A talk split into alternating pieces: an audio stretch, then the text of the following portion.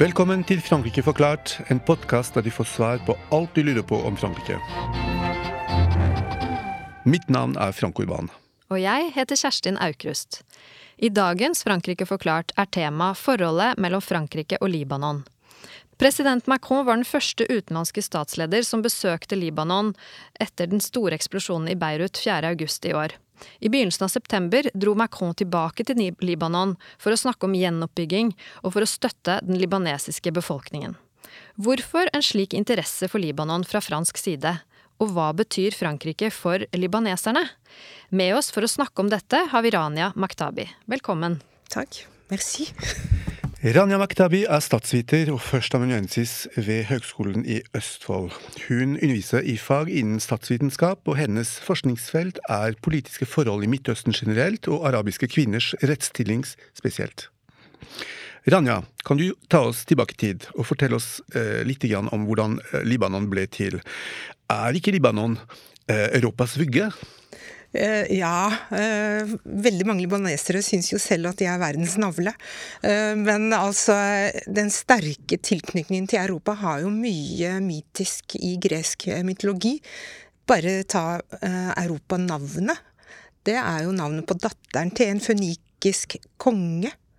Og Fønikia er jo libanesernes tidlige Eh, navn, altså som folkeslag. De slo seg ned langs Middelhavet, der hvor Libanon og Syria i dag eksisterer.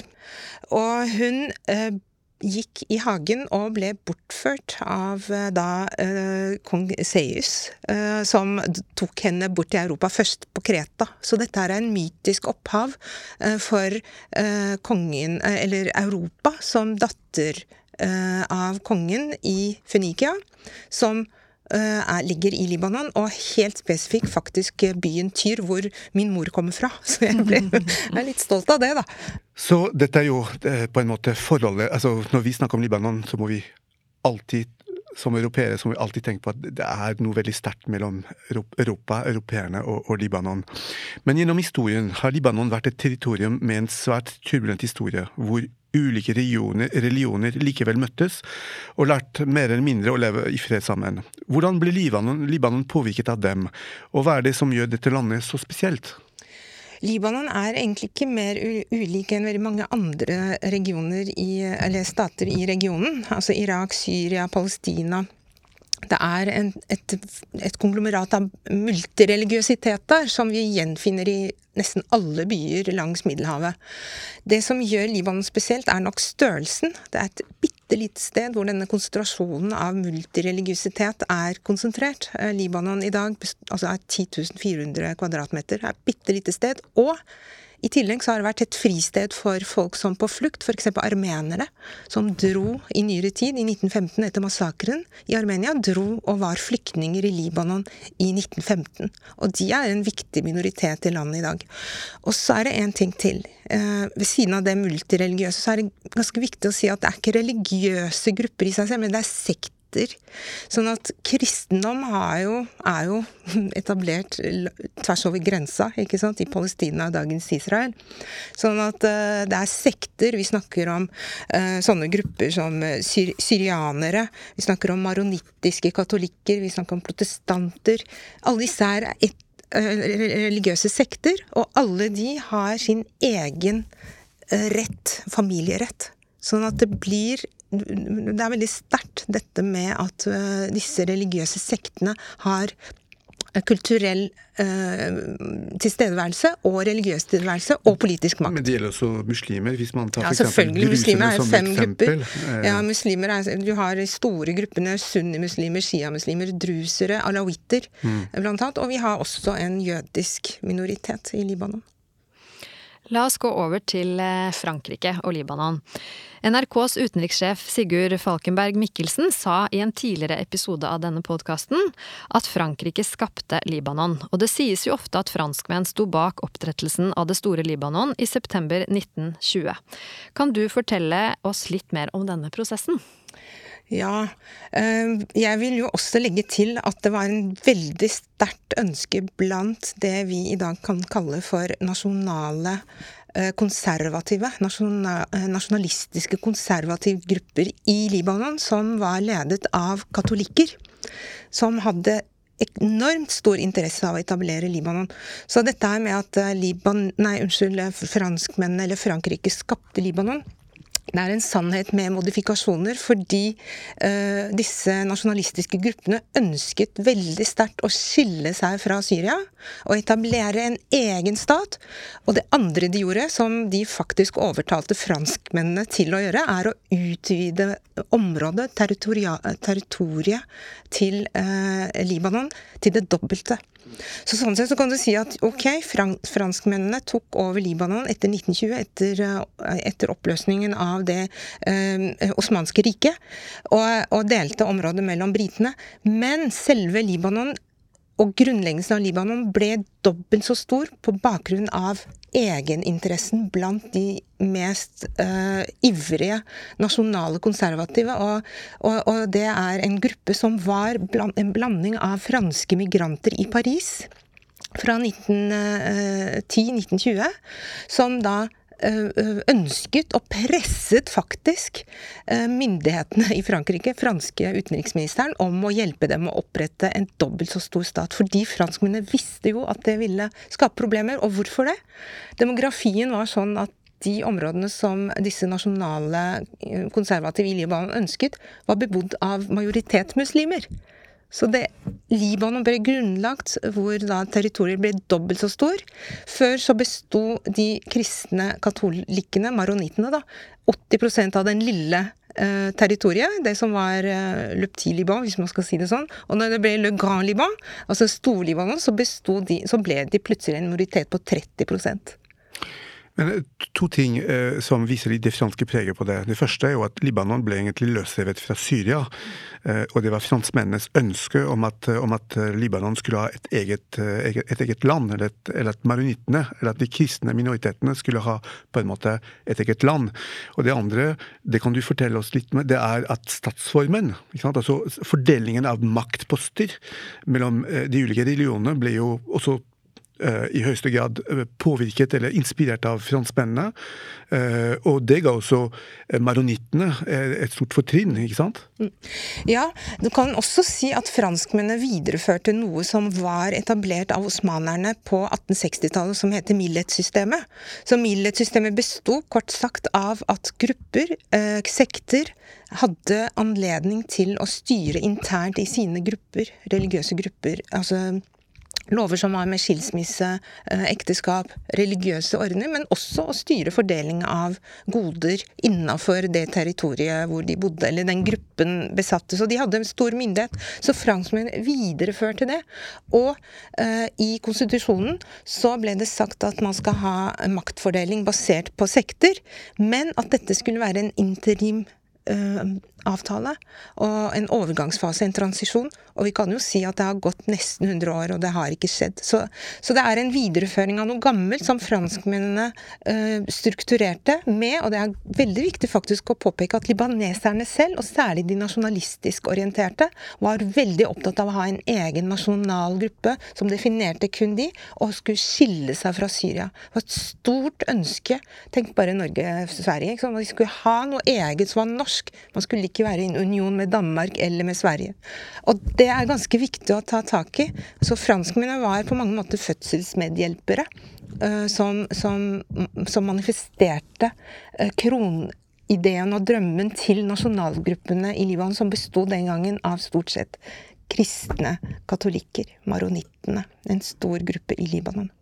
Etter andre verdenskrig ble de gamle stormaktene kastet ut, og de nye supermaktene USA og Sovjetunionen de kjempet, kjempet en bitekamp om innflytelse i Libanon. Hvordan preget dette landets utvikling? Var franskmennene helt ute av landet? Mitterrand i 1983 og Chirac i 2005 gjentok det sterke båndet mellom de to landene, men hvordan var det i praksis?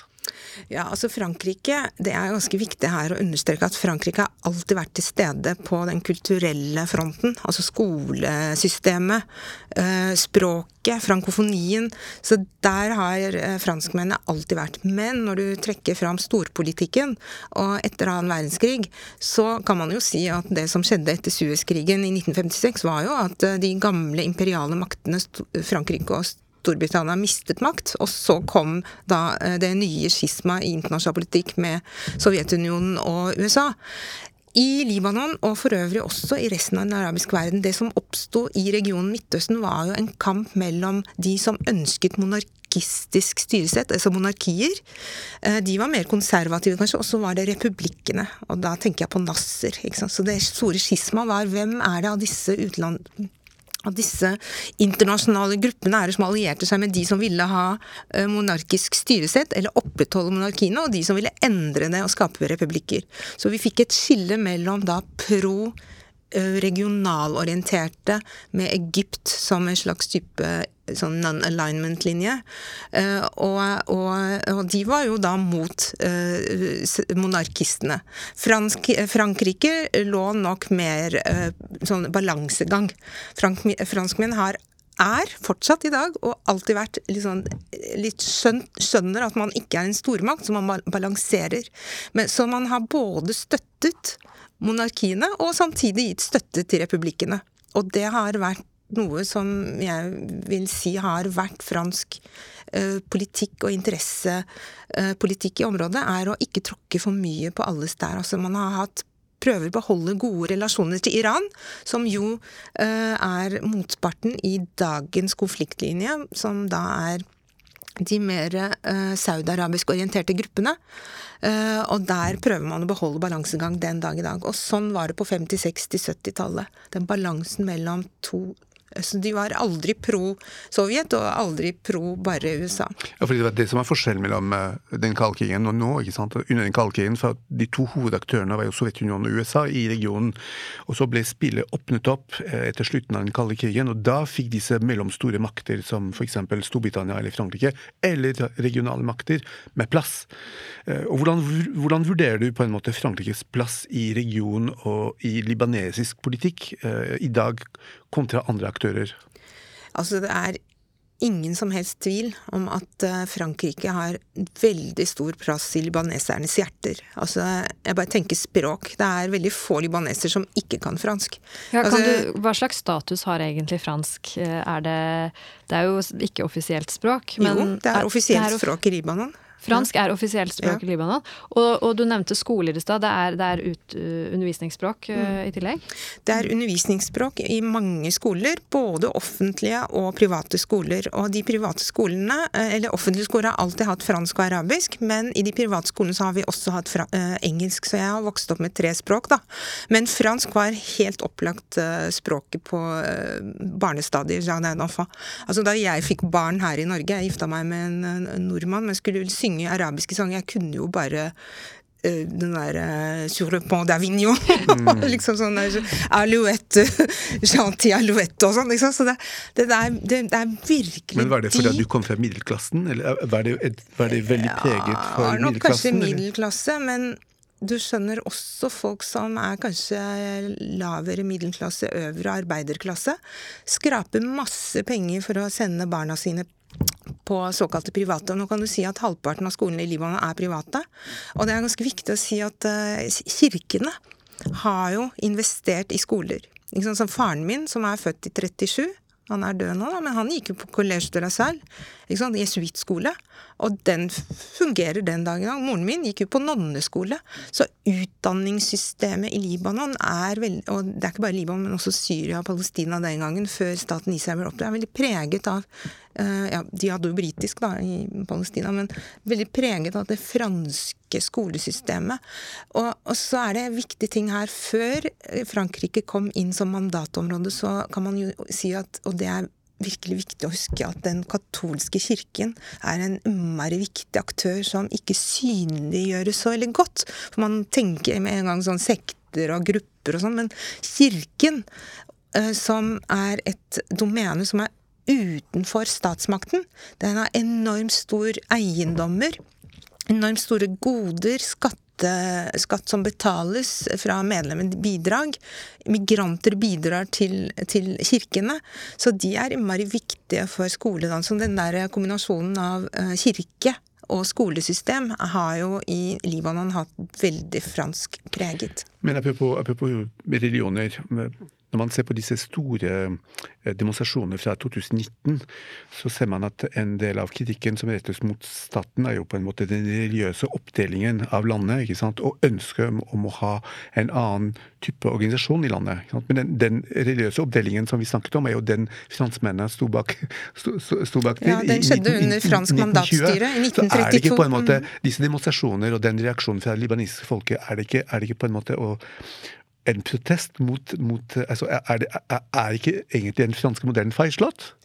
Ja, uh, i, i, i, hvert fall hvis man tenker at det som du nevner som den franske modellen, jeg vil si det var en modell som uh, libaneserne selv faktisk gikk med på, som en måte å skape gjensidig avhengig politisk system, hvor alle skulle ha sin plass. Det som skjedde, så kan man si at uh, det var en modus vivendi en måte å leve i samhold, eller sam, sammen på tvers av religiøse skillelinjer. Så jeg er, jeg er, nok i, fra den politiske skolen som er veldig opptatt av synergien mellom eh, mandatmakter og folket selv, og jeg setter vel så stor lys på selve folket som bor i Libanon. La oss komme litt eh, mer inn på situasjonen eh, i dag. For eh, som nevnt innledningsvis, så har president Macron nå besøkt Libanon to ganger på kort tid og inntatt en, en lederrolle i gjenoppbyggingen av Libanon. Hvordan har dette vært mottatt eh, i den libanesiske oh, befolkningen? Stor kjærlighet. Ja. Stor! Ja. Altså, det er ikke måte på hvor mye man ville klemme og kysse i disse ikke helt gode koronatidene. Men han Altså, det er virkelig interessant å se hvordan en kampanje ble eh, skrevet under på løpet av to-tre dager med 30 000 underskrifter om at man ønsket Libanon tilbake til under fransk mandat. er det sant? Ja, ja. Så altså, eh, det er stor, eh, stor Jeg vil faktisk si kjærlighet for Frankrike. Og når da landets fremste politiske aktør kommer til landet, så er man bare overøser med velkomst og sånn. Og det samme kan man ikke si om libaneske politikere. Det var jo ingen politikere å se. Vi så borgermesteren i Beirut, og han var jo snart lynsjet eh, like etterpå at han sa at ok, vi skal ta hensyn, vi skal ta de ansvarlige til rette. Altså, presidenten i Libanon turte ikke å gå ned. Han satt i palasset sitt. Så folk, libanesere, på, på Instagram, så, så, så, er det overveldende sjikane mot politikerne som satt i studiene og snakket på skjermene istedenfor å se folket. Så Macron og utenriksministeren også var nede og besøkte og snakket med folk. Stor velvilje. Og så andre gangen så besøkte altså det, var, det tenker jeg var et genistrek fra president Macrons side. Og det er å si at ok, før jeg treffer presidenten og politikeren, så må jeg treffe en spesiell kvinne. Uh, og det er Fayrouz. Hun er Libanons ubestridte dronning. Hun er sangerinne, men samtidig en nasjonalsymbol uh, for eh, landet Libanon. Så han ville gjerne ha en kopp kaffe hos henne.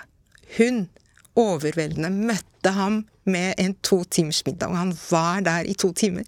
Og så utafor var det horder som venta.